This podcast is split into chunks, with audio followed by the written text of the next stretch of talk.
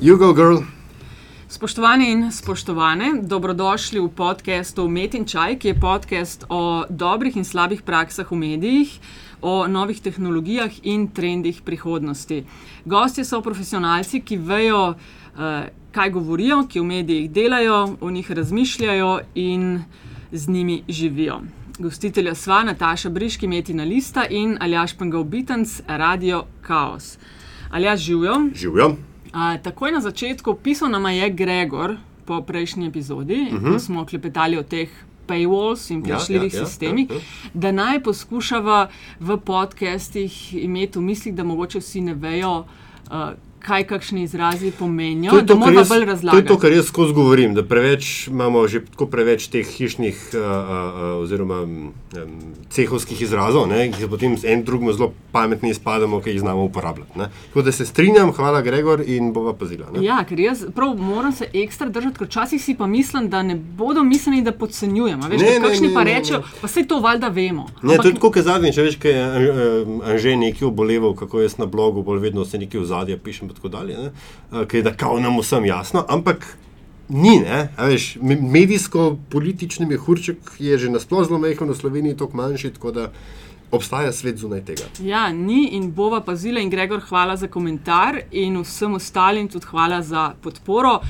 Po prejšnji oddaji, veš, da je Vindiš, mislim, da je omenil ali pa samo da je bila domena dnevnika registrirana že kakšnih 15 let nazaj. Ju, Jure, uporabna stran je pol rekel, da je bila ja. leta 95. Ne? Ja, že sem si zapisala 26. september 1995.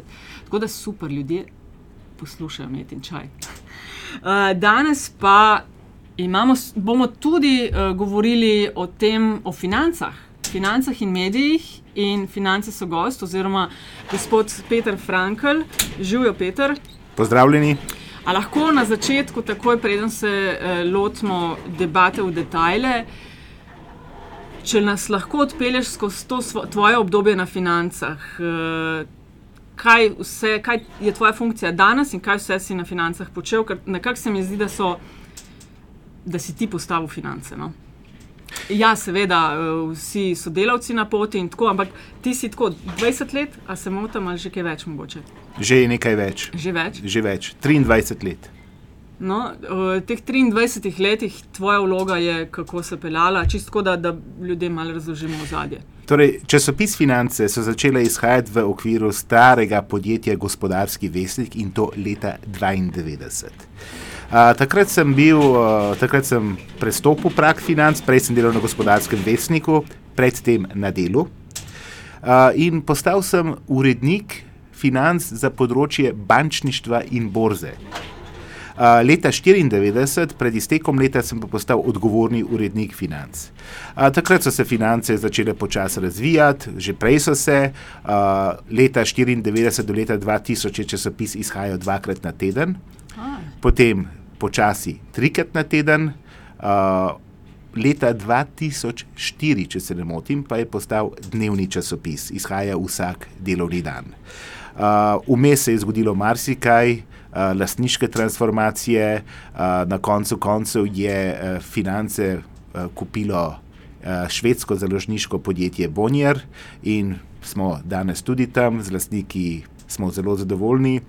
Uh, finance so se razvile. Kaj pomeni, ko rečeš, z lastniki smo zadovoljni? Pridem do tega. Ne. Pridem okay. do tega. Z lastniki, to pomeni, da smo zelo zadovoljni, pomeni marsikaj. Pridemo do tega. Okay. Finance so se razvile, danes je to dnevni časopis, je internet, je medicinsko področje financ. Izdajemo dve reviji, Medicina danes, ki je za zdravnike in uh, zobozdravnike, uh, Medicina in ljudje, ki je širša o zdravstvu. Uh, delamo mnogo portalov, delamo revijo Manager, delamo revijo Moje finance in še kaj bi se našlo. Skratka, finance so kar razvejeno medijsko podjetje. Res pa je, da ga mnogi dan danes še vedno enačijo samo z dnevnikom finance. No, zdaj pa k lasnikom. Kaj pomeni, uh, uh, da smo z lasnikom zadovoljni? Pomeni preprosto to. Bonjer je uh, multinacionalka. Uh, njen sedež je v Štokholmu na švedskem. Um, imajo veliko, veliko izpostav po vsem svetu. Mi smo uh, delček Bonjarja in smo del neke podskupine v Bonjarju. In um, kaj, s čim smo najbolj zadovoljni? Gre za prenos znanja, vedenja, gre za to, da si lahko izmenjujemo informacije, kako se medijski svet razvija, kaj se splača delati, kaj je prav, da se dela. Skratka, ne gre pri medijskem lastništvu, oziroma v našem primeru, samo za to, da imamo lastnika in da pričakuje denar od te naložbe, gre za to, da je interakcija med posameznimi ljudmi, ljudmi v založbi. Skratka, če želimo delati knjige, imamo tam nekoga, ki dela knjige. Če želijo oni kaj izvedeti, kako na mehkih trgih postaviti tak in tak portal, potem smo mi tukaj. Skratka, najbolj smo z lastnikom oziroma zdajšnjim statusom zadovoljni zato, ker si lahko izmenjujemo informacije in dobre prakse. In to je tisto. Slovenija je mehna, Slovenija je mehen trg. In če ti horizont seže samo do meja Slovenije, potem si lahko razmeroma hitro v težavah. Slovenija ni v svet. Vprašanje je, seveda, nujno, kliče kar potem, da ga obrnem. Ne? A so lastniki zadovoljni z vami? To mislim, da da. Mislim, da da, seveda ne morem gledati v njihovo glavo, ampak mislim, da so zadovoljni. Uh, poslovne performance podjetja, ki ga vodim, uh, niso super, so pa zadovoljive. Uh, Slovenija je razmeroma majhen trg in ki je dal, uh, ki je dal uh, skozi razmeroma hudo krizo.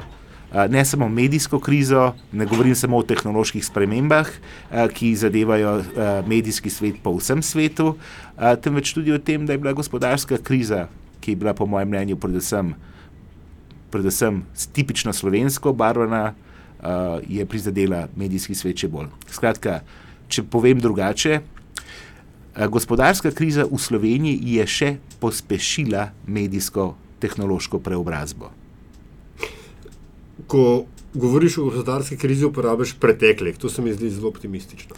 Uh, ja, uh, sam uh, govorim o obdobju. Gospodarska kriza, uh, kriza še traje uh, in vprašanje je, koliko časa bo trajala, čeprav je veliko znamen, ki pričajo o tem, da gre na bolje. In to je dobro.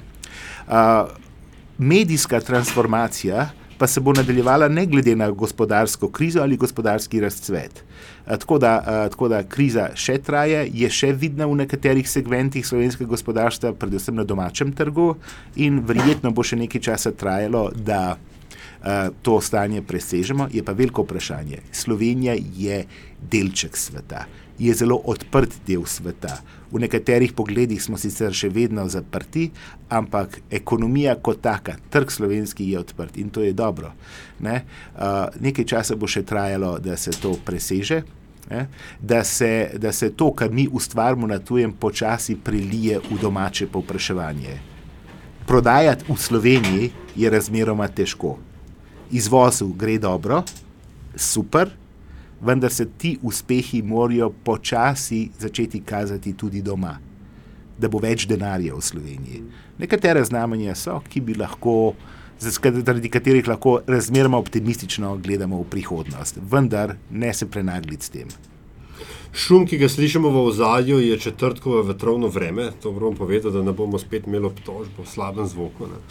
Um, Pedro, govoril si o me medijih in njihovi transformaciji in v bistvu krizi, ki je s tem povezana. Veliko krat se mi zdi, da so sploh um, za medije, ki so v velikem delu ali v celoti na trgu, da so tako rekoč ne one man band, ampak zelo odvisni od enega človeka. Tebi se je dolgo časa govoril tako z, z občudovanjem, da praktično spiš v službi, v pisarni. To še počneš. Uh, kdaj pa kdaj se uležem na kavč? Uh, spim pa ravno ne, kdaj pa kdaj zadremam.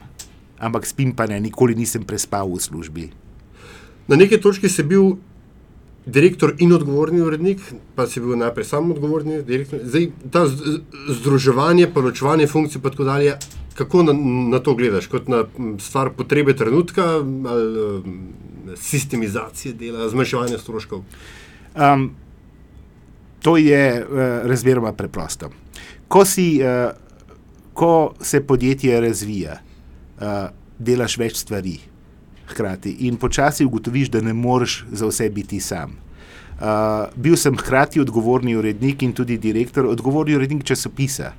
Vendar časopis je postal samo en del podjetja. In potem, ko se je podjetje z dejavnostjo širilo, ne moreš vsega samo upravljati. Pa tudi nisem več najmlajši, preprosto več ne gre. Uh, zelo sem zadovoljen, da nisem več odgovorni urednik, pa ne zato, ker ne bi imel več stika ali ker se s tem ne bi hotel ukvarjati. Preprosto gre za to, da ne morem vsega sam delati in da imam sodelavce, ki lahko to z veseljem delajo in to uspešno počnejo.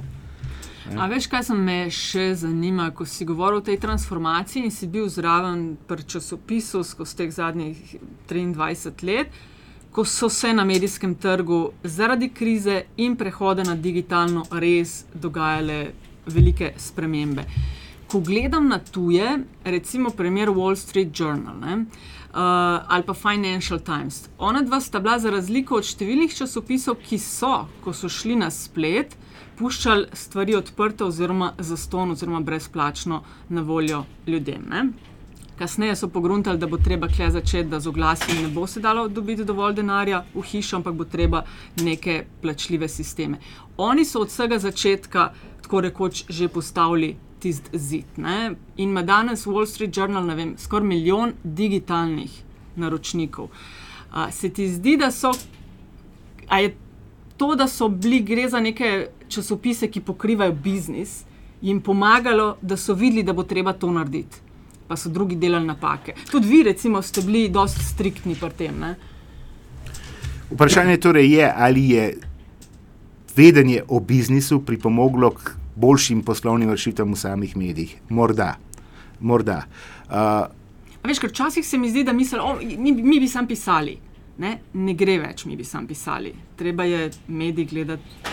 Medij je, Drugače. medij je pač gospodarsko podjetje. Če ti uh, in dejavnost medija, kot jo sam razumem, je produkcija in širjenje vsebin na katerih koli platformah že. Uh, logično je, da za nastajanje vsebin so potrebni nekateri stroški. Hvala Bogu, novinari in drugi morajo dobiti plače. Ne?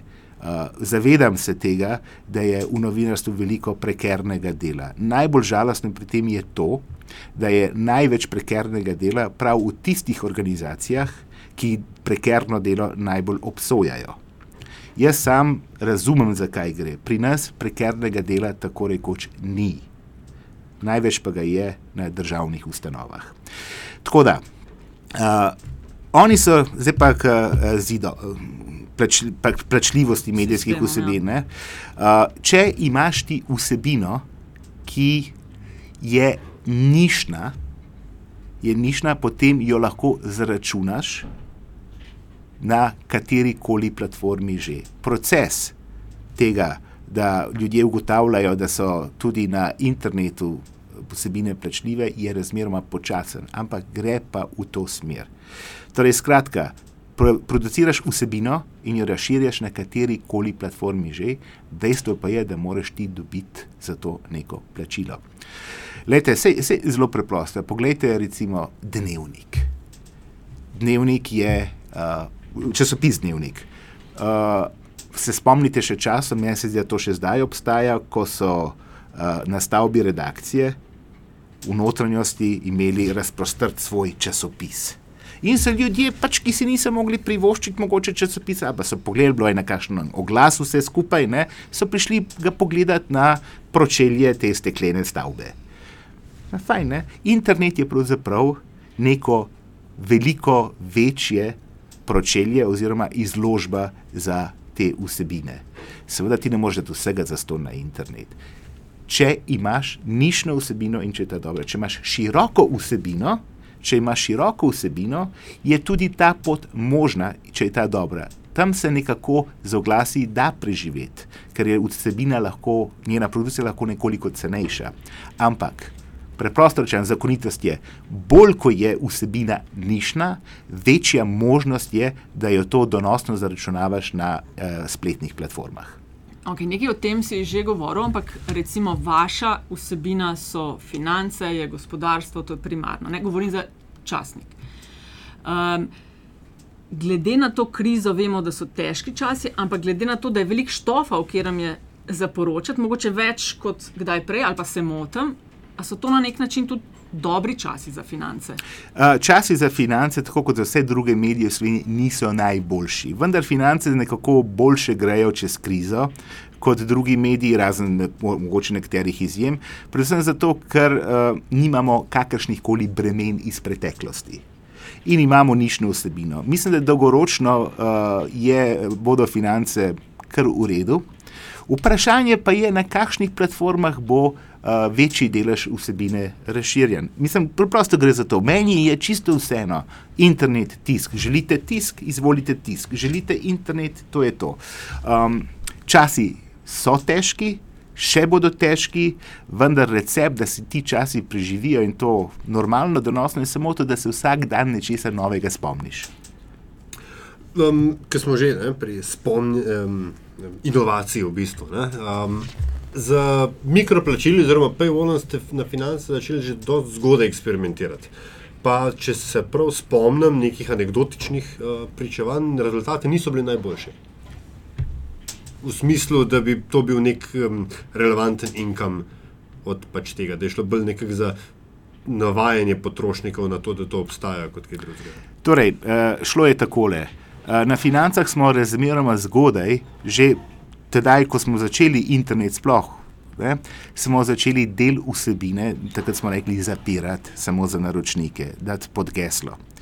Uh, takrat je bilo recimo 30 odstotkov vsebine zaklenjenih. Model je bil tak, kdo je naročnik, ima vso vsebino dostopno. In, uh, in je bil kar dober. Potem se je razširilo to, uh, prihodki iz oglaševanja na internetu in ti so bili zelo dobri. Ti so bili zelo dobri. Oglaševanje v financah na internetu je cvetelo. Kdaj? Ja, v letih 2004 do 2008. To je bil super biznis. Super biznis je bil. Uh, vendar se je potem začelo to, da so prišle mnoge cenejše storitve od multinacionalk. Ne, Slovenija je pač zelo izpostavljena, izpostavljena uh, odprta ekonomija. Uh, potem uh, razdrobila se je pozornost uh, in vsakdo konzumira tisto vsebino, ki jo hoče. Internet se je blazno razvil. Ne? Ti si lahko surfer, pa boš imel newsletter o surfanju iz Nove Zelandije. Ti si lahko vinopivka, Hvala. lahko si vinopivka in boš imela vsak dan newsletter pa aplikacije. Vprašanje je, ali potrebuješ domače medije na način, kot si jih nekoč potreboval. Razumeš angliško, razumeš kak jezik. Ti si medijski konzument sveta. Medijski svet se je do vseh svetov gospodarskih, po mojem mnenju, najbolj globaliziral. Ne? No, in potem, potem pa se je začelo to, da smo, da smo oglaševanje je na internetu začelo upadati tedaj. A, Smo pa razmeroma zadovoljni, uh, je, je pa še zdaj, kar, kar nekaj biznisa je od tega, je pa še zdaj uh, razmeroma lep prihodek, oziroma ta delež tega prihodka uh, prodaje vsebin po spletu. Tukaj pa smo kar uspešni in lahko rečem, da smo prvi na slovenskem trgu, uh, prvi na slovenskem trgu v deležu, uh, ki ga pridobivamo s prodajo naročnin oziroma vsebin po internetu. Imamo več kot eno petino naročnikov financ, je elektronskih naročnikov. Branost je pa še vedno večja, zato ker tisk, ki dobi tisk, je itak ne, in, in gre za preplet medijskih navad. Be- Daš tiska, daš v čakalnico, mogoče kar je v podjetjih, gledaš na spletu, gledaš po mobilnem telefonu, po iPadu, kakorkoli že. Kakorkoli že. Koliko je tedni naklada financ, oziroma koliko se proda, če se to sme povedati? Seveda se sme povedati, da je to javni podatek in je prav, da se sme povedati. Uh, da se more povedati. pravzaprav. Uh, jaz štejem naklado takole. Štejem prodano vsebino, prodane izvode, ne glede v kateri obliki. Teh dneh uh, finance prodamo v okoli 10.200 izvodih. 10.200 izvodih. Od tega je nekaj več kot 2000 elektronskih, velika večina je še vedno tisk, kar pa ne pomeni, da ni elektronskega zraven. Nekdo da tisk, da tja, da se ga da tja, da malo nekdo prebere, če pride na obisk, sam spremlja po inter, internet, internet, internetu, internetu in tako naprej. Skratka, ja, nekaj čez 10 tisoč, v najboljših časih smo pa prodali nekaj čez 14 tisoč. Aha, tako da upad, če pogledam, koliko je delo zdrsnilo, ali pa dnevnik, ne, ko je z nekih 70 tisoč, zdaj pa 30 uh, ali pa mogoče 40. Ja, no. Verjetno vprašanje je, kako kdo gleda. V končni fazi iz 14 na 10 se vendarle pozna. Ne? Ni to nekaj, ki Ja. bi bilo zamahnil z roko pa rekel. Tisk je nekoliko dražji danes, prvič. Drugič, tisk, uh, kupiti časopis Ja, ja, ja, je ja. nekoliko dražje. Uh, naprej, stroški raznosa oziroma distribucije časopisa in tiska časopisa so se nekoliko zmanjšali. V principu je internet bolj donosen za razširjanje vsebine. Ne? Niso največji problem v Sloveniji upad tiskanih naročnin, pri nas vsaj ne. Večji problem so upadi oglaševalskih prihodkov, kajti paleta, ki jo imaš na voljo za, za sporočanje tistega, kar želiš trgu sporočiti, je danes tako velika in tako poceni, od televizij, ki so nekoč bile drage, danes je televizija poceni, imaš na voljo nič koliko kabelskih televizij, takšnih televizij. In drugačnih. Imaš ničko, imaš Google, imaš Facebook, imaš Twitter, vse, YouTube, vse možnosti imaš, da oglašuješ. In uh, na mehkem trgu, kot je Slovenija, kjer je domovanje slovenskega jezika, je ta konkurenca globalna. Mi pa še vedno pišemo v slovenščini in tudi se ne bomo nikoli mogli razširjati tako kot recimo Financial Times. Financial Times je upadla, upadla bo je naklada ogromno, tiskana. Upadla je naklada, naklada tudi Wall Street Journalu. Sem to so globalni časopisi, tukaj je svet njihova Slovenija. Ne? In jasno je, da je elektronska verzija, elektronski časopis, elektronsko razširjanje katerih koli vsebin že tukaj dominantno in, in da ljudje so pripravljeni plačati. Ne? In z tega vidika um, preživetja in razvoja medija, ne, oziroma hiše kot take, kateri je tisti, ne vem, če imate sploh oddelke, ki mu, ki mu naj, največ pozornosti posvečaš kot direktor. Um, to je vse, jaz temu pravim uh, letalonosilke in, in letala. Ti moraš imeti letalonosilko, da lahko pluje in da na njej pristajajo letala in da se ta letala spočijo in da grejo naprej. Mediji finance in tisk in internet, ko gledam enotno, mora prinašati en denar. Veliko denarja, nikoli ga ne bo prinašal, mogoče tako kot v najboljših časih. Ampak, če ti širiš, recimo, spektr dejavnosti, če ti recimo prirejaš izobraževalne oblike, izobraževalne dogodke, izobraževanja, konference, če imaš ti nekaj portalov, če, te, če vse te druge dejavnosti uklapljaš potem in ponudiš trgu kot eno, kot en, kot nekaj, da zvežeš skupaj, upremiš z mašnico in, pod, in poskušaš, prodati, je to nekaj vredno. Skratka, gre za to, da so ta veliki mediji, v našem primeru, to so finance, uh, finance da mora biti letalonosilka. To, pe, to je brand.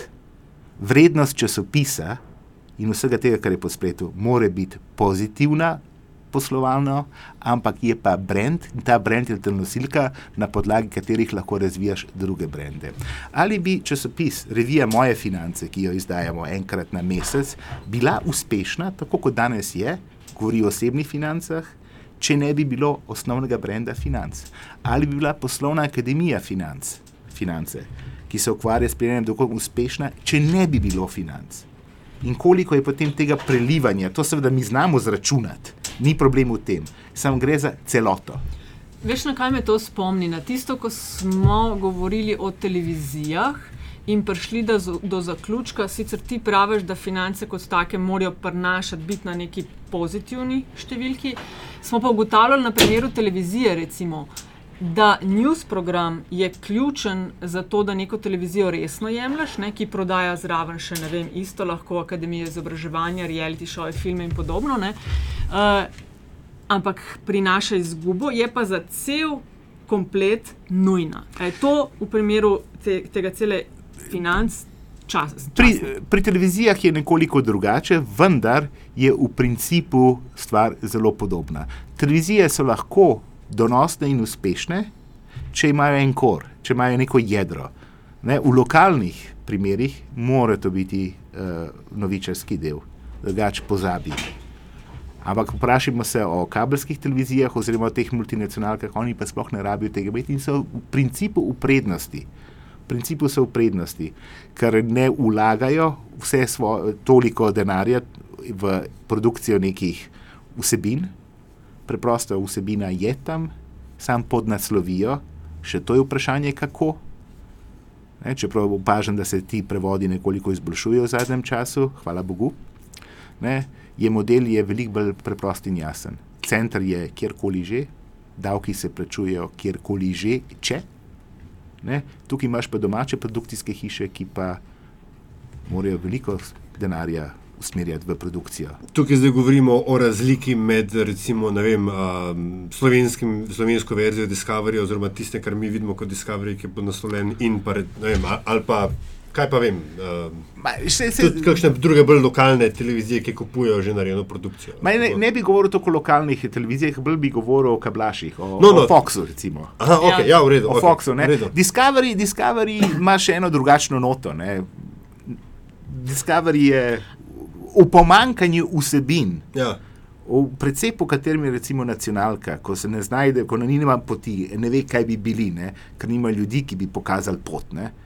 Ne? Je Discovery za slovenski javni prostor dobrodošel. Bi se strinjal. Ja, no, Skoraj, čeprav je bil že, je bil že boljši. Bil že boljši. Ampak, to, to, ja, stvar okusa. Ja. Stvar okusa. Ja. No. Um, vendarle, um, ne glede na to, da ste nišni, ne, se mi zdi, da ste bili včasih zdaj govorim spet o časniku finance, bolj kot ste zdaj. Se mi zdi, da je bilo včasih striktno poslovnih vsebin. Več, oziroma, da je razmerje med striktno poslovnimi in recimo temu dnevno političnimi bilo včasih bolj uprit temu poslovnemu delu. Ma ne vem, ne vem. Eh, težko je pravzaprav ločiti, kaj je tisto, kar, kar je poslovno, kar je politično poslovno v družbah, ki so prežete s politiko, v katerih eh, politika daje pomemben ton celotnemu družbenemu dogajanju, je težko to ločiti. Je pa dejstvo, da, da bo tega vse manj. Politika kot taka postaja vse manj relevantna. Mislim, da je bilo to obdobje, najprej v začetku 90-ih in prolomu 1960, smo bili striktno bolj poslovni. Ne? Potem je začelo se obdobje, ko smo bili politični, tudi, ne? zdaj pa prihaja to obdobje, ko prehajamo nazaj v to nišo bolj. Zakaj? Uh, Slovenija se je odprla, ne? Slovenija se je odprla čiste in, in je prav, da se to in ta proces teče še naprej. To je čisto v redu, po mojem mnenju. Tukaj so lahko stališče drugačne. Ne? Kaj bo delala domača politika, je bo za gospodarstvo tukaj, tukaj vse manj relevantno. Tudi davki, vse to bo, če bo šlo na razvoj v tej smeri, se bodo počasi začeli prilagajati drug drugemu v Evropi pa politika je neresna. Poglejte, uh, poglejte, kaj se dogaja. Sploh je brezvezno o tem govoriti. Politika je neresna in ljudje so siti tega tudi. Skratka, prehajamo nazaj v tisto obdobje, ko smo bolnišni. Za Slovenijo je veliko pomembnejše to, veliko pomembnejše to, kaj se dogaja v Ukrajini in v Grčiji, kot pa odstop neke ministrice z nekim magisterijem iz nekih čudnih logov. To je eksotika. Slovenska eksotika je slovenska politika in postaja tudi zato vse manj relevantna. Omenil si, kako morate danes non-stop z nekimi novimi idejami iskati poti do bralca, si izmišljati nove produkte in vem, ponujati več, še več kot včasih. A dela to še več ljudi, ali te isti ljudje še več tega? Ah to je rak rana. Ne? Ti ne moreš dobro delati, če nimaš ljudi. Prihodki v medijih so se zrečali, logično. Včasih je bilo fajn, vsi smo, imeli, smo se sestajali ob kosilu, zvečer ob dnevniku smo imeli svoje ognišča, temu rečem, ne?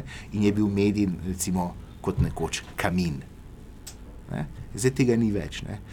Zdaj, pa, če hočeš ti normalno delati, moraš imeti ljudi, vprašanje pa, koliko si jih lahko prvoščeš, da jih imaš. In ljudje pa morajo normalno delati in prejemati normalno plačilo. Kaj se tebi zdi, da si Načela, to že omenil? Kaj, kaj te normalno plačilo za recimo normalno novinarsko delo? Ok, vemo, teh uravni, uravnilov, ki me ne zanima, ampak kaj se ti zdi fair plačilo za redno mesečno novinarsko delo? Ali je to čisto neumno vprašanje? Ne, to ni neumno vprašanje, to je pametno vprašanje, čeprav neumnih vprašanj tudi ni, ne, ne smemo tako reči. Je pa cel kup firmčnih idiotov. Ja, ja, ja bom, bom, bom takoj povedal. Glede na razmere v Sloveniji, glede na splošno stanje, kaj, kaj trg zahteva, kaj trg lahko da. Bi rekel, da je za novinarja, ki ima neko specialistično znanje, recimo 8 do 10 let uh, izkušenj, in da obvlada tematiko, in da obvlada tudi kakšen jezik, več kot samo angliščina. To je že domači jezik. Ja. Ne, več kot samo angliščina, in da razume tematiko, da obvlada medije, je normalno plačilo 1700 evrov neto. Okay. Ali ste zadovoljni z odgovorom? E, Kukar kdo, ne, se veš. 1700 evrov neto. Povedal pa bi, ne, da je to razmeroma dobro plačilo. To je razmeroma dobro plačilo in ne samo za Slovenijo, to je dobro plačilo tudi glede na Avstrijo in na Italijo. Ne? Uh, kar je v Sloveniji dobro, je, recimo, da tega še nekaj je, ne? in da pa hkrati je ogromno prekernega dela. V novinarstvu se je Slovenija zelo, temu jaz rečem, kroatizirala. Razlož to, ja. Tako, tako razložim, tako razložim. Sam sem bil in sam sem že in še kar aktiven na nekaterih drugih trgih. Medijska krajina v Sloveniji, skupaj s plačili novinarjev in z vsem tem, je vse bolj podobna hrvaški sceni, srpski sceni in tako naprej. Tudi politika je postala, se je lep, v lepem delu uh, balkanizirala. Ne? Tako je to. Ne? Cene oglaševanja so upadle, denarja je vse manj. Kar je še razlika med Slovenijo in drugimi, jaz to štejem za razmeroma pozitivno, je to, da imaš ti na Hrvaškem ogromno prekerstva, ogromno prekerstva in blazno velike razlike v plačilih. Ne? Kar je tudi pri nas, ni tako. Ne, ne? ne, ne, ne, ampak gre v to smer gre v to smer. Razmere v, pri, v, vzhodno od nas so zastrašujoče in včasih je pametno iti tja pogledat, samo zato, da znaš ceniti to, kar imaš. Ne? Si pa rekel, da zdaj te, teh vse več vsebin, ok, pač je situacija, ja. kakršna je, dela isto ali pa manj novinarjev. A je to malce večja štanca, pol, kot je kdaj bila? Ponujemo več, a veš, rečemo, vem, za ceno dveh dobite tri, ampak eh, da je to mal. Grda beseda je to nategovanje, ampak ljudje mislijo, da dobijo več, pa ne morejo zares dobiti več, ker ne more manj ljudi ali pa ob večji obremenjenosti dobivati več. Mislim, da smo na financah vedno bili razmeroma dobro obremenjeni z delom ni, ni šlo. Pri nas ne gre toliko za to, uh, da bi ponujali. Mi pravzaprav smo začeli začel ponujati več vsebin, ampak smo pa nekatere vsebine nekoliko razrečili. Zato, ker je štejemo, da je v marsičem v Sloveniji um, vsebinska inflacija. Ogromno je vsega. Ogromno je vsega. Vprašanje je ekonomike, se to splača. Če pogledate, recimo, časopis kot tak, ki je nekoč izhajal na 36 do 60 strani. Finance so bile 36 do 60. Tudi, ja, tudi, seveda, ko so bile priloge, pa oglaševalske priloge, pa vsega živega je bilo noter. Pa je bil, pa je bil prvi del financ, je bil na vsak dan na 24 stranih. Res, to so bili časi. Uh, Danes finance praviloma izhajajo na 24 straneh, vsak dan na 24 straneh, in če je še kakšna priloga, in to potem pa 36 ali pa tudi več. Ne? Število strani se je skrčilo, govoriva o tisku. Um, in to je zelo podobno pri vseh drugih dnevnih časopisih. Ne? Tako da ne bi rekel, da, uh, da bolj obremenjujemo novinarje v smislu količine zahtevamo pa, da ti novinari so bolj vešči novih tehnologij in to mladina je. Poprečna starost ekipe časnika finance, čez prst. Čez prst, čez prst poprečna starost bo 36, 37. To je kar sveže. Ja, sveže je. Ja.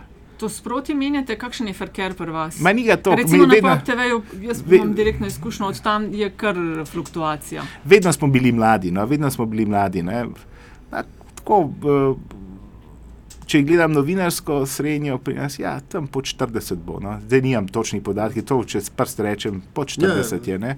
No. Ja, jaz sem skoraj najstarejši na financah, mogoče jih je ne 4-5 ljudi, ki so starejši od mene. Koliko ljudi štejete, da so del tega, če mu rečemo finance, časniki, akademija, uno tretje? 130. Koliko od tega je novinarjev? 130 tega novinarjev. Teh, ki delajo časnik.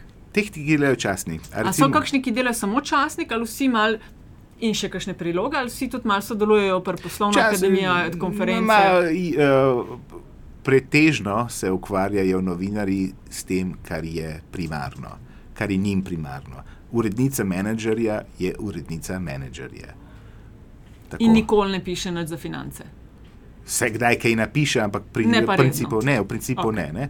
Torej, finance 24 strani, 36 vikend, ne, oziroma še več, 48, 24 plus 24, ne, šest, odvisno koliko. Ne, uh, vsebin je v tisku nekoliko manj, so pa zato več na internetu, 130 ljudi, principu dela predvsem vsak to, kar mora delati. Uh, da, bi, da bi ti imel enega novinarja, zdaj sem pa napisal za finance, zdaj bom pa še za menedžer napisal. Pol. Ja, nekaj tega je, ampak v principu to ni pravilo. Ni pravilo. No, ampak koliko je tistih, ki pišejo vsebinco Ma ne vem, koliko aj, aj, 20, 30. Ne, ne vem. A, ja. Vrnem vprašanje. Ali je nekdo, ki se ukvarja z izobraževanjem in dela izobraževalne vsebine, kreativc, vsebinc ali ne? To me čisto zanima, ta razporeditev. Meni se zdi, recimo pri financah, za razliko 40 od do drugih, 50, 50, 50, je, 50 ljudi je, ki se na, zdaj pa še več, 60 ljudi je, ki se ukvarjajo z vsebinami. Ostalih 60 pa pač prodaja, organizira, Prodaja- logistika, prodaja, računovodstvo. prodaja, uh, prodaja, logistike je bolj malo, ampak v glavnem gre za prodajo in še za nekatere druge reči povezane z medijskimi vsebinami. Nekoliko več kot polovica je tistih ljudi, ki, recimo temu, aktiv, ki se pretežni meri ukvarja z produkcijo medijskih vsebin. No, zato me je tudi zanimalo, ker finance vidim kot enega redkih, če ne edini, na nek način večji medij, ki se je zelo hitro. Uh, ne govorim zdaj vsebinsko, kako se s čim strinjam ali ne, ampak čist business-wise, ki se je zelo hitro zavedal, da ni dovolj producirati samo časopis, ampak so kle neka znanja, v vašem primeru nišna znanja, ki lahko pomagajo pri navezovanju vem, z biznismeni, pri organizaciji konferenc, izobraževalnih programih, kar drugi mediji mal. So se mi zdi počasnejši. Mogoče imam napačen občutek, ampak ko gledam ta portfelj vaših storitev, ne, je veliko bolj raznovrsten od. Ni stvar v tem, da bi bili mi bolj pametni. Ja, to pa nisem rekla. da bi bili mi bolj pametni. Ni stvar v tem, stvar v tem da bi, uh, da bi uh, bili bolj, da bi mogoče, mogoče malo več vemo prav zaradi tega prenosa znanja. Je dejstvo. Prenosa znanja iz, iz centrale, iz drugih. Ne. Jaz, če imam problem, pokličem lahko kolega iz Rusije, iz Estonije, odkudarkoli že. To je, veliko je na tem. veliko je na tem. Glavna prednost financ je, po mojem mnenju, to, da nikoli nismo bili obremenjeni s slovenskimi čudnimi rečmi, kot so dolgovi, lastniške pretvorbe. Uh, Je da ne veš, lastnik? Normalen ali- lastnik, normalen lastnik. Ne, Glejte, ne gre toliko za to, kaj je tu je danes. A je paradižnik, če si ti v Kopru, a je paradižnik iz Furlanije bližji kot paradižnik iz Prekmurja? Dejstvo je. A je paradižnik iz, iz Furlanije bolj domač, če si v Kopru, kot paradižnik iz Murske sobote? Ne gre več za to domače, to je gre za stopno normalnosti. Ti ne moreš biti normalen, ti ne moreš normalno delati, če se moraš skozi ukvarjati s slovenskimi posebnostmi, ki so.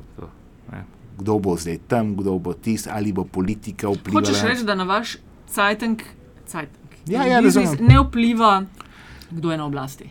V principu ne vpliva.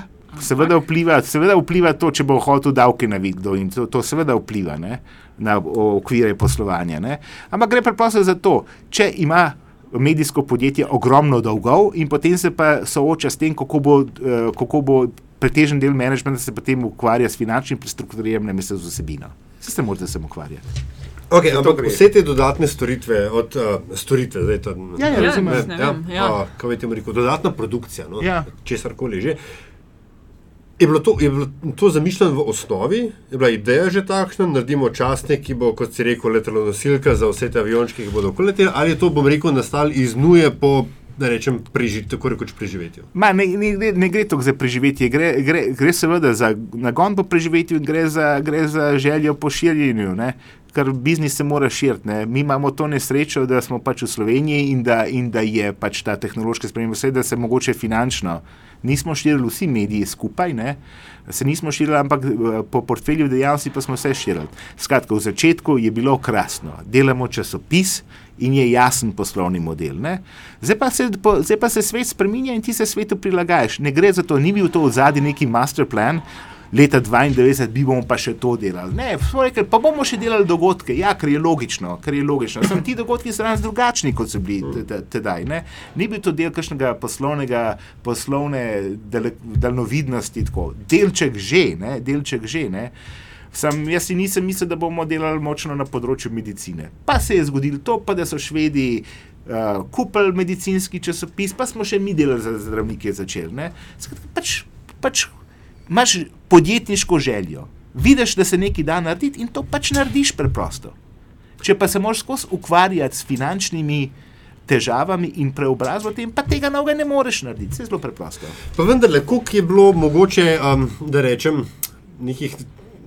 Zdaj napačno besedo uporabljal, life hackov, ki ste jih morali, name, namreč na kaj hočem napeljati. Ena, ena od boljših for, ki so jih, eh, ali pa ste jih takrat eh, novinari, ne, takrat ste ti še odgovorni urednik na financah, naredili, je, da ste na skupščine podjetij prihajali tako, da ste kupili manjšo količino delnic te firme, ker do, takrat je bilo to vse nekaj zaprt, pa se ni vedelo, pa tako dalje. In ste eh, v bistvu od, dejansko na silo odprli ta prostor. Ne. Zdaj, je bil, da veš, to je recimo temu life hack in koliko uh, uh, takšne logike uh, um, na splošno ste uporabljali, ko ste. To je, to, je, to je obdobje viharništva in romantike. Ne. Danes je tega žal manj, ne. je družba bolj odprta, kot je bila. Ne. Zdaj so, so zapirali, ne. mi smo šteli, da je to javna zadeva in smo pač podjetje je lahko kupilo delnice, ali pa je posameznik kupil, pa pol prodal. Ne. Delali smo to in tudi danes bi to delali. Ne. Še posebej je bilo to zanimivo, ne. mi smo kupovali tudi delnice tedaj, če nam je kdo grozil ne. in smo kupili delnice. Kdo vam je grozil? Ma, marsikdo Kdo ni? Kdo ni grozil, vsi so grozili, ampak neki pa je. Ne. Ko govorimo o grožnjah, moram povedati to. Grožnje so lahko zoprne za urednika ali medijskega direktorja, če govorimo o povezovanju uh, poslovnega sodelovanja s produkcijo vsebin. Ne. Je nekaj, ti seveda razumeš nekatere zadeve, vendar nek ča, včasih je šlo čez mejo. To so bile zoprne grožnje. Kakšne grožnje? Ma, oglaševanje, uno, tret, bomo črtali. posebno? Ma, v meni sem, sem de- dovoli, dovoli, da to povem. Meni osebno in časopisu in, in mediju, vsem, vsem skupaj. Ampak Slovenija, kakršna koli že, nikoli ni imela to vrstni grožen, kot so imeli kolegi, recimo danes v Črni Gori. Nikoli. Imeli smo tajkunstvo, imeli smo odklone, imeli smo to, ampak kljub vsemu se je treba zavedati, da je naše okolje vendarle bistveno, bistveno bolje od okolja, katerega sestavni del smo mi nekoč bili. Bistveno boljše je. Sam treba je videti, ne? ko je črnogorskim kolegom, s katerim sodelujemo v nekem projektu po imenu Business Plus, ne? ko vidiš, da jim zažigajo avtomobile, se vprašaš. Ne? Tega v Sloveniji, hvala Bogu, še zdaleč ni tako, kot je v nekaterih drugih državah. Tako veliko. No, po drugi strani, ne, zdaj se strinjam, da je a, rekel, stopna fizičnega nasilja ne, a, manjša ali pa grožen in tako dalje, ampak a, če ti pa velik oglaševalec umakne v glase, ne, pa. To je del posla. Ja, okay, ampak vendar je to samo nekaj bolj sofisticirana oblika ta istega. Ne, ni isto, ali ti umika v glase, ali, ali, ti, ali ti zažge avto, ali pa ti grozi smrtjo. Ne, ne, ne rečem, da je isto, ampak, Ja, je, je. ampak ž- želja po eh, doseganju um, rekel, cilja pa podoben, ne, da ti začneš igrati po njegovih notah. Res je. Cilj je, cilj je podoben, vendar so načini za dosego tega cilja povsem drugačni. Uh, jaz ne govorim o tem, da je to prav, da se dela nasprotno, vendar vem, kako se to v drugih okoljih dela. Sem to videl in ne privoščim tega nikomor. To v Sloveniji, to, kar se dogaja v Sloveniji, se dogaja marsikje po zahodnji Evropi, nismo tako zelo drugačni. Mogoče so metode nekoliko bolj eh, folklorne, ampak to štejem v domeno folklore. Pogledala sem več, kaj me je matralo, ko smo govorili o tem plačevanju vsebin. Kakšne so naročnine na teh dnevnikih po Sloveniji? Uh, pa bi te prosila, če lahko razložiš, odkje pa vas vaša cifra, recimo za naroči, naročnino na digitalno verzijo financ je 18,90 plus DDV. Na mesec, sicer to ne vem, zakaj je digital plus vikend cenejši, 18,50. Imajo uh, pa recimo dnevnik, ok, ima zdaj poskusni mesec, ki ima 0,89, potem bo imel 6,89, delo 33 za digitalno, večer pa recimo 19,90. Kje ste vi našli teh 18? Mi smo, prvi, mi smo prvi začeli to. Ne? Prvi smo začeli to. Zdaj prvo vprašanje je, zakaj je del tiska. Mi imamo tri recimo, te modele, oziroma tri možnosti naročil, da je razmeroma transparentno.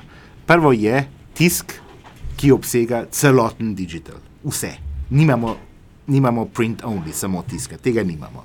Potem imamo drugi del, je samo digitalno, brez tiska, tretji del je pa vikend plus tisk. Zato, ker želimo eh, in ta je nekoliko cenejši kot. Vikend plus digital. Digital sam je 18,90, digital plus vikend je pa 18,50. Ja, se strinjava.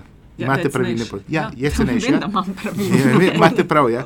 Cenejši je zato, ker želimo spodbujati, eh, spodbujati širitev uh, petkovih uh, financ v tiskani obliki. Okej, Se- to me gre-. Zato gre, zato ker ti imaš vikend, pa imaš vikend prilogo, pa vikend branje, lete, dajte to vzeti, to je dobro. Dobro.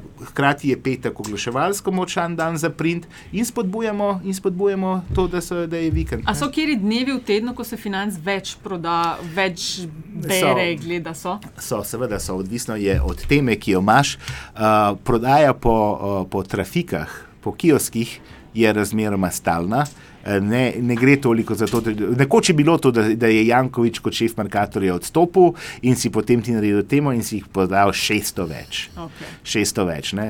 to je odvisno. Ne? Danes se prodaja recimo petkovih bistveno več kot drugih in ni toliko povezano z vsebino kot nekoč. Lejte, dobra, vse- nekoč si dal, nekoč si imel zgodbo in to ne govorim samo o financah, govorimo o tiskanem založništvu nasploh. Ne? Si imel močno zgodbo iz Pomorja, pa so rekli, no zdaj bomo pa povečali prodajo v Pomorju, pa bomo tam izobesili drugačne plakate.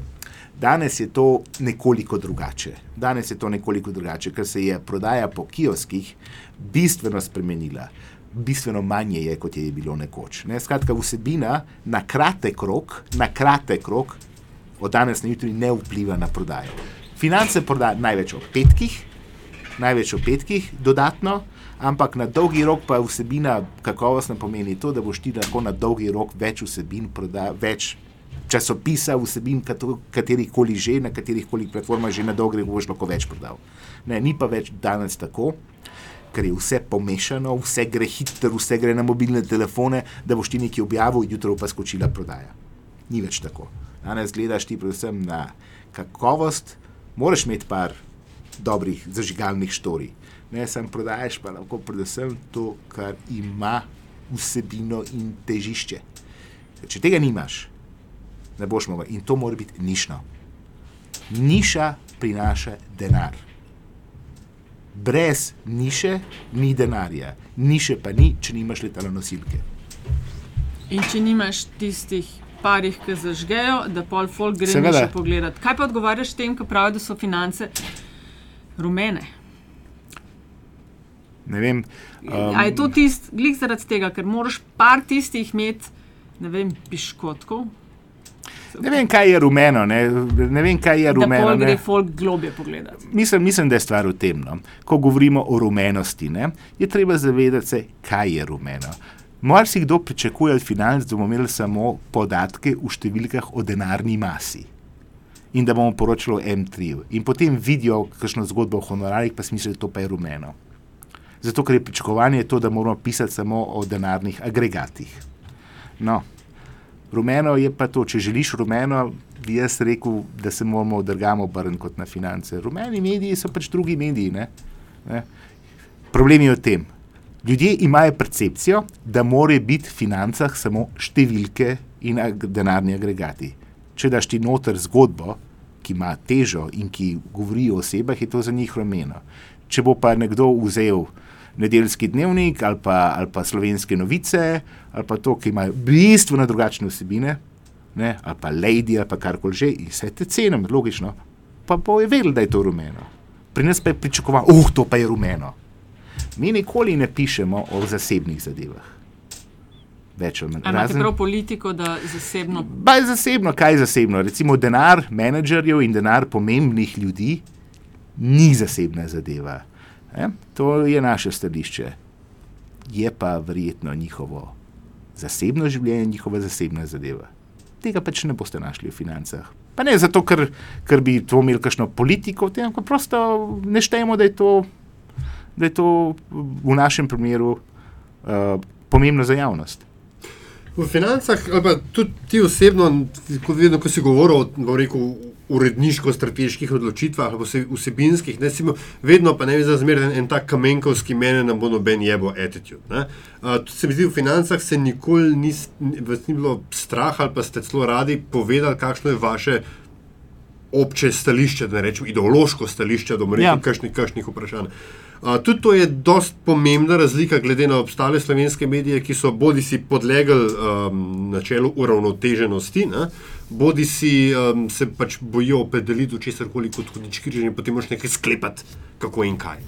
Ja. Odkje je to? Deva tako reči. Povej vas zgodbo.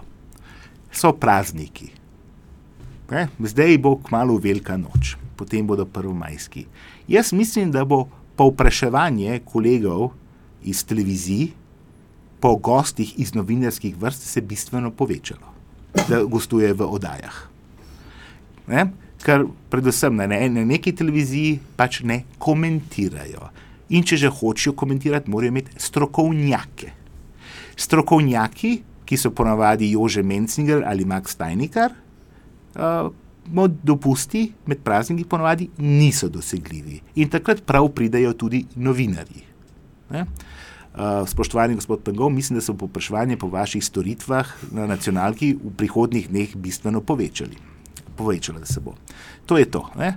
Mi smo izgnali komentar, zato ker želimo ravnotežiti. To je tak nonsens, ne? da izženeš ti komentar pa da moraš imeti unga, pa ungano, da bo uravnoteženo. To je anomalija non plus ultra. Kdo si je to zmislil, uh, bi, mislim, ta, to je vsega obsojenja vredno. Ne? Da novinar ne sme komentirati, ker drugače ni novinar, če komentira. To je tak nonsens. Vsi smo se učili, da je komentar pomemben novinarski žanr. In to so iz ustanov, ki bi morali dajati ton izgnali in potem pa iščejo strokovnjake, ki so prvič ideološko obrejeni, še bolj kot novinari, uh, še bolj imajo zasebne motive kot novinari in povzročajo toliko škode, toliko škode tej državi, ne? da ljudje ne smejo imeti, da novinari ne smejo imeti komentarja. In zato kličejo skozi strokovnjake, in ti strokovnjaki so veliko bolj opredeljeni kot novinari. Pač, če si novinar, pač imaš svoje mnenje in lahko ga poveš. Ne? V čem je, v čem je keč? In zdaj pa, če poveš svoje mnenje, si pa rumen. Uh, a je neoliberalen cajtank finance? Ne vem, kaj je to neoliberalen. neoliberalen je skovanka, ki si so izmislili ljudje, ki bi radi obdržali privilegije, do katerih sploh ne bi smeli priti.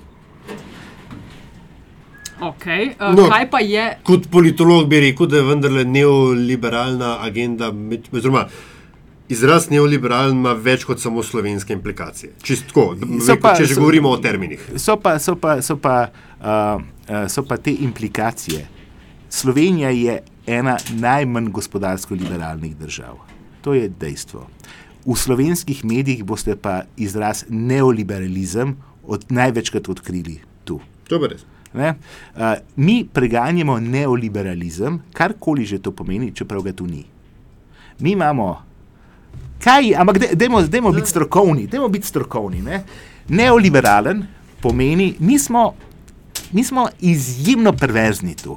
Po eni strani vsi kritiziramo neoliberalizem, eh? po drugi strani pa najdeš ti zasemke neoliberalizma v Sloveniji veliko bolj kot tam, kjer ne bi bili neoliberalni. Recimo, pri nas, zdaj ne bom jaz, evo, zdaj, neoliberalc bo povedal tole. Koliko je stopna obdavčitve kapitala v Sloveniji, recimo, dobička? Kolikor je preveč. 17 odstotkov. 17 odstotkov. Aha, aha, vem, vem, vem. Veš, 17 odstotkov.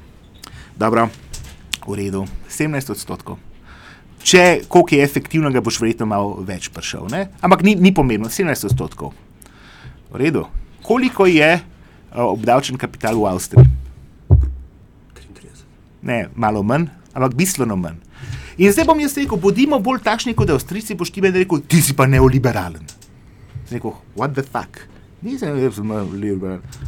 Kom pa jaz te vprašal, ne, ali smo narediti socialno kapico, da ustavimo nekatere, ne, bodo pa vsi rekli, ti si neoliberalc. Ne.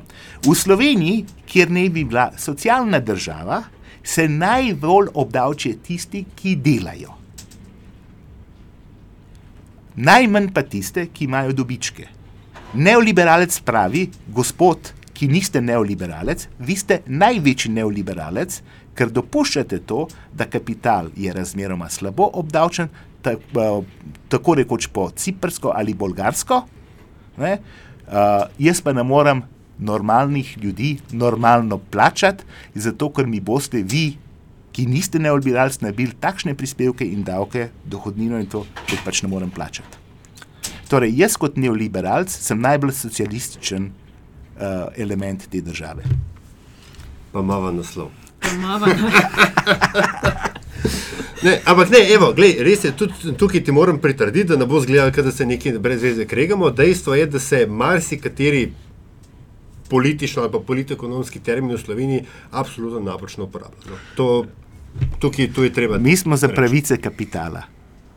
Jasno je, kapital je uložen in mora dobiti nazaj svoje.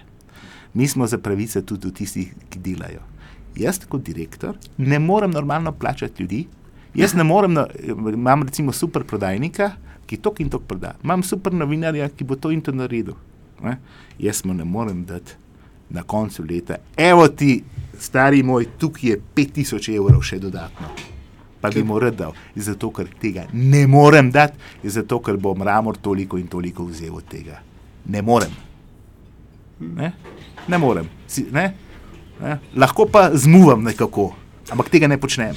Ne, no, evo, to sem hotel vprašati. Poslovni rezultat financ v zadnjem 2014 1230 evrov dobička? Ne, ni res. Uh, uh, poslovni rezultat, dva, to je uh, poslovni rezultat 2013. Ah, sorry, se pravi. 2013 je bil, to je bilo, takrat smo delali veliko prestrukturiranje, je bil komaj pozitiven.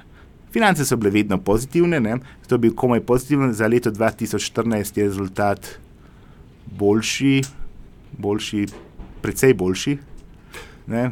Za, ne vem, bloga je neki okoli 250-60 tisoč evrov dobička, ne? kar pa je še vedno premalo.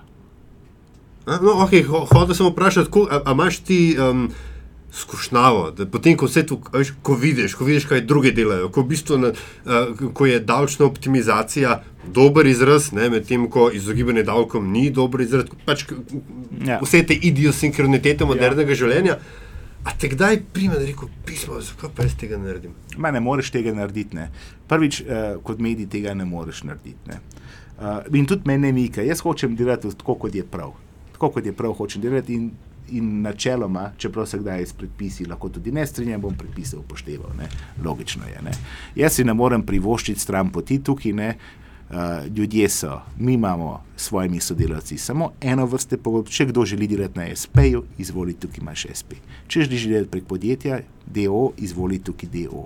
Če želiš biti redno zaposlen, izvoli tukaj je redna zaposlitev. Mora biti pa vsi dobri. Ne? In imamo s temi ljudmi v principu eno pogodbo. Ena ustanova, en človek, povezuje ju ena pogodba. Uh, centri uh, družboslovne znanosti v Sloveniji imajo to drugače urejeno. In to predvsem tam, kjer je center preganjanja neoliberalizma.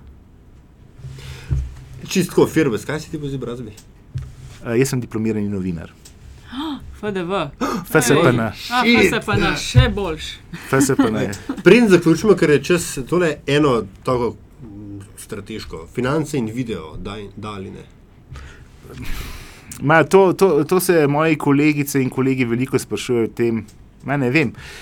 Jaz bi, ne? Sem pol pa se vedno vprašaš, kaj, zakaj. Ali se splača, finance in Ja. podcast, ali se splača? Ja, ne vem, kaj od tega dobiš. Ne, ne vem, kaj od tega dobiš. Ne? Zdaj, če si ti. Kaj pa kaj daš? Lepo je dajati, ne? lepo je dajati. Ne? Dajanje je ob darilu. Se, če nekomu daš darilo, se lahko še boljše počutiš kot darilo, kot če darilo sprejmeš. Ne? Torej, če hočeš sprejeti darilo, daj darilo. Ne? Jaz bi že dajal. Ampak jaz moram gledati na to, ali se to splača. Koliko ljudi bo ta podcast videlo? Kdo bo financiral to? Kje bom lahko prodal glas? Ali bom jaz konkuriral YouTubeu, Googlu in vsem vam? Ali se mi splača konkurirati? Ne vem. Ne vem. No, nekaj malega si napisal o tem pred, mislim, da mesecem in pol, 19 svetov, eh, kako Ja. poslovati v medijskem svetu. Bomo priložili k tej naši objavi. Sam eno vprašanje, preden greva na zanimivost. Malo je rahlo osebno, no? pa upam, da ne boš zameril. V vseh tvojih javno, javnih nastopih sem opazila, da zelo, ali se trudiš, ali ne vem, so, si nekako tako bil uh, naučen, da zelo knjižno govoriš. A je to odvedno, si odvedno tako nastopal, zelo odločno, glasno, javno in hkrati v lepi knjižni obliki. Ne, Nikoli nisem o tem razmišljal tako. Uh, dejstvo pa je, da se poskušam lepo izražati. Tako sem bil naučen. in No, tako, To- zelo izrazito. pr- vem, Medijs, eh, tudi- me- medijska krajina šteje medijsko krajino kot domeno nekega zbornega jezika. Tudi, recimo, ki te vidim, kdaj je v studiu City, za razliko od drugih gostov, pa ne zdaj, da drugi govorijo. Ne, ne, ne, to, to, to, to, to, pa, to to, to pa zavračam. Eh, V studiu City želim biti uh, razmeroma neopazen, ne veliko povedati, uh, predvsem zato, ker. Zakaj šte- sploh prideš? Ne, ne, ne, uh, pri, zakaj pridem? E, če ne želi, če Čakaj, želiš biti a- neopazen. a- a Lahko povem. No, daj. Uh, štejem, da nima smisla konkurirati Marcelu Štefančiču za, pri pojavnosti. Marcela globoko cenim in je moj dober prijatelj. ne. Uh, in uh, mislim, da je to njegova oddaja in da uh, more pri tem. In da mu ne želim skakati v zelje. Sem pa zelo vesel, če lahko pridem tja. In to je, sorry, rad pridem k njemu. No, meni se nič ne zdi, da bi se nazaj kaj držal. Tudi nisem Ne, tega to ne, rekla. ne, to so scene, ne, to so scene, ker Marcel ima taktiko, da me vpraša nekaj, jaz pa, jaz pa mu povem en stavek in potem mu učim. In potem pa ga spravim v agonijo. Okay. Uh, ja, še ti kaj. Ne, res je. Uh, zanimivost, Peter, vedno podcaste zaključujemo s tem, da gosta vprašamo po neki zanimivosti. Lahko je to s kariero, z delom povezano, lahko pa nekaj čist X. Jaz ne, nobene zanimivosti. Ti si me vprašala. to ta stav ti, zdaj, ki ga si me- studiu Situ ti si me- Ti si me vprašala, naj se spomnim, kakšne zanimivosti. Jaz te zanimivosti ne bom povedal, bom pa povedal sledeče. Karkoli me boš vprašala, to bom, na to bom odgovoril. Sem serviral, ti pa ne bom. Aj, to, no, pa sem dobila enega Marcela, en, stu- enega Frankla v studiu City. Karkoli me vprašate, bom Ja, pa povedal. ne, to ni za firčanje. Torej- veš, nekaj, kar misliš, da bi ljudje mogli vedeti, pa, pa, okay. ali pa kaj takšnega. A Veš, zelo različne smo imeli. Ne? Ja, ja, ja, da bi zanimivost. Ma, meni se zdi, no, jaz sem človek časopisov. Kaj moramo vedeti? Kaj moramo vedeti? Mah, kaj morate vedeti? Ma, vedeti Koliko časa bo še Frankl na financah? Ajde. koliko časa bo Frankl na financah? Tega ne vem. Je pa dejstvo to, kar je, kar je prej, a si ti ali je pengov vprašal, se ne vem. Vse vse. Vse ni, ni važno. No.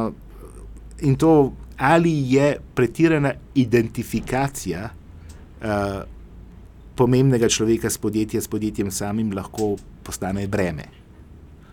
Ne? Za podjetje samo, ne za me. Ne? Kaj se zgodi, če se meni kaj zgodi? Ne? Tukaj je vendarle neka odgovornost. Ne? Jaz bi rad čim večkrat prišel sem, pa se z vama pogovarjal, ampak želel bi se počasi umikati iz podjetja v tej obliki, da, da bi drugim ne pustil rast. Ker, ker včasih je to naporno. Ne, potem, pa tudi nočem več toliko delati, vsak pride k meni, pa dajte se zmeniti sami. Ne. Rad bi se začel umikati, pa ne tako, da bi bil manj tam, ampak da bi bil manj pomemben. Zato, Ja, ker, je- zato, ker, pa zato, ker te- sem kar težek. Pol pa te razni Twitter, ki je Frankel in Ja. podobno. Vse jasno, rata. Ne? To, a veš, eno je govoriti, drugo je delati. Ma, kje je Twitter? Lej, ti se moraš zdaj zgledati, kje, je- kje je Twitter, kje je Frankel. Fora je bila v tem, ne? Fora je bila v tem, da imaš ti, imaš ti uh, možnost nekaj zaslužiti, ne? zdaj sem direktor, valjda bom služil denar. Zato rabim lastniki, zato rabim plače in zato je to. Ne? In smo dobili neko dobro ponudbo ne? in smo oglaševali to ne? in sem pol, pač to delal. Ne? In potem je bilo tukaj oh in sploh in groza, ker to nekdo dela. Ker si se spustil dol med raje. Ja, ja, sem, sem, neoliberalc sem bil, ja, sem se spustil med rajo, pa to, pa dej, pa dejte, pa, potem pa strokovno, ali je to, ali to sme novinar delati, pa bože moj.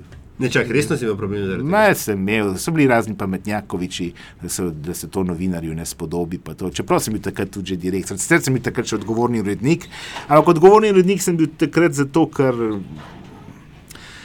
ker je bilo operativno več nisem bil odgovorni urednik. Sem pa, sem pa, sem pa odgovarjal, moral odgovarjati jaz na popravke, ampak sem pooblastil nekoga drugega. Peter Frankel, najlepša hvala, ker si bil gost uh, Hvala vama. Mednega čaja. Uh, torej, če vam je bil pogovor všeč in ste kaj novega izvedeli, hvala za podporo na družbenih omrežjih uh, in uh, tudi ustvarjanju vsebin na Metini listi. Komentarji dobrodošli na Facebooku, Twitterju ali tudi na elektronski pošti infoafna.metinalista.si. Če želite ustvarjanje vsebin podpreti, priložili bomo povezavo na spletni strani. To je to. Hvala lepa. Čau.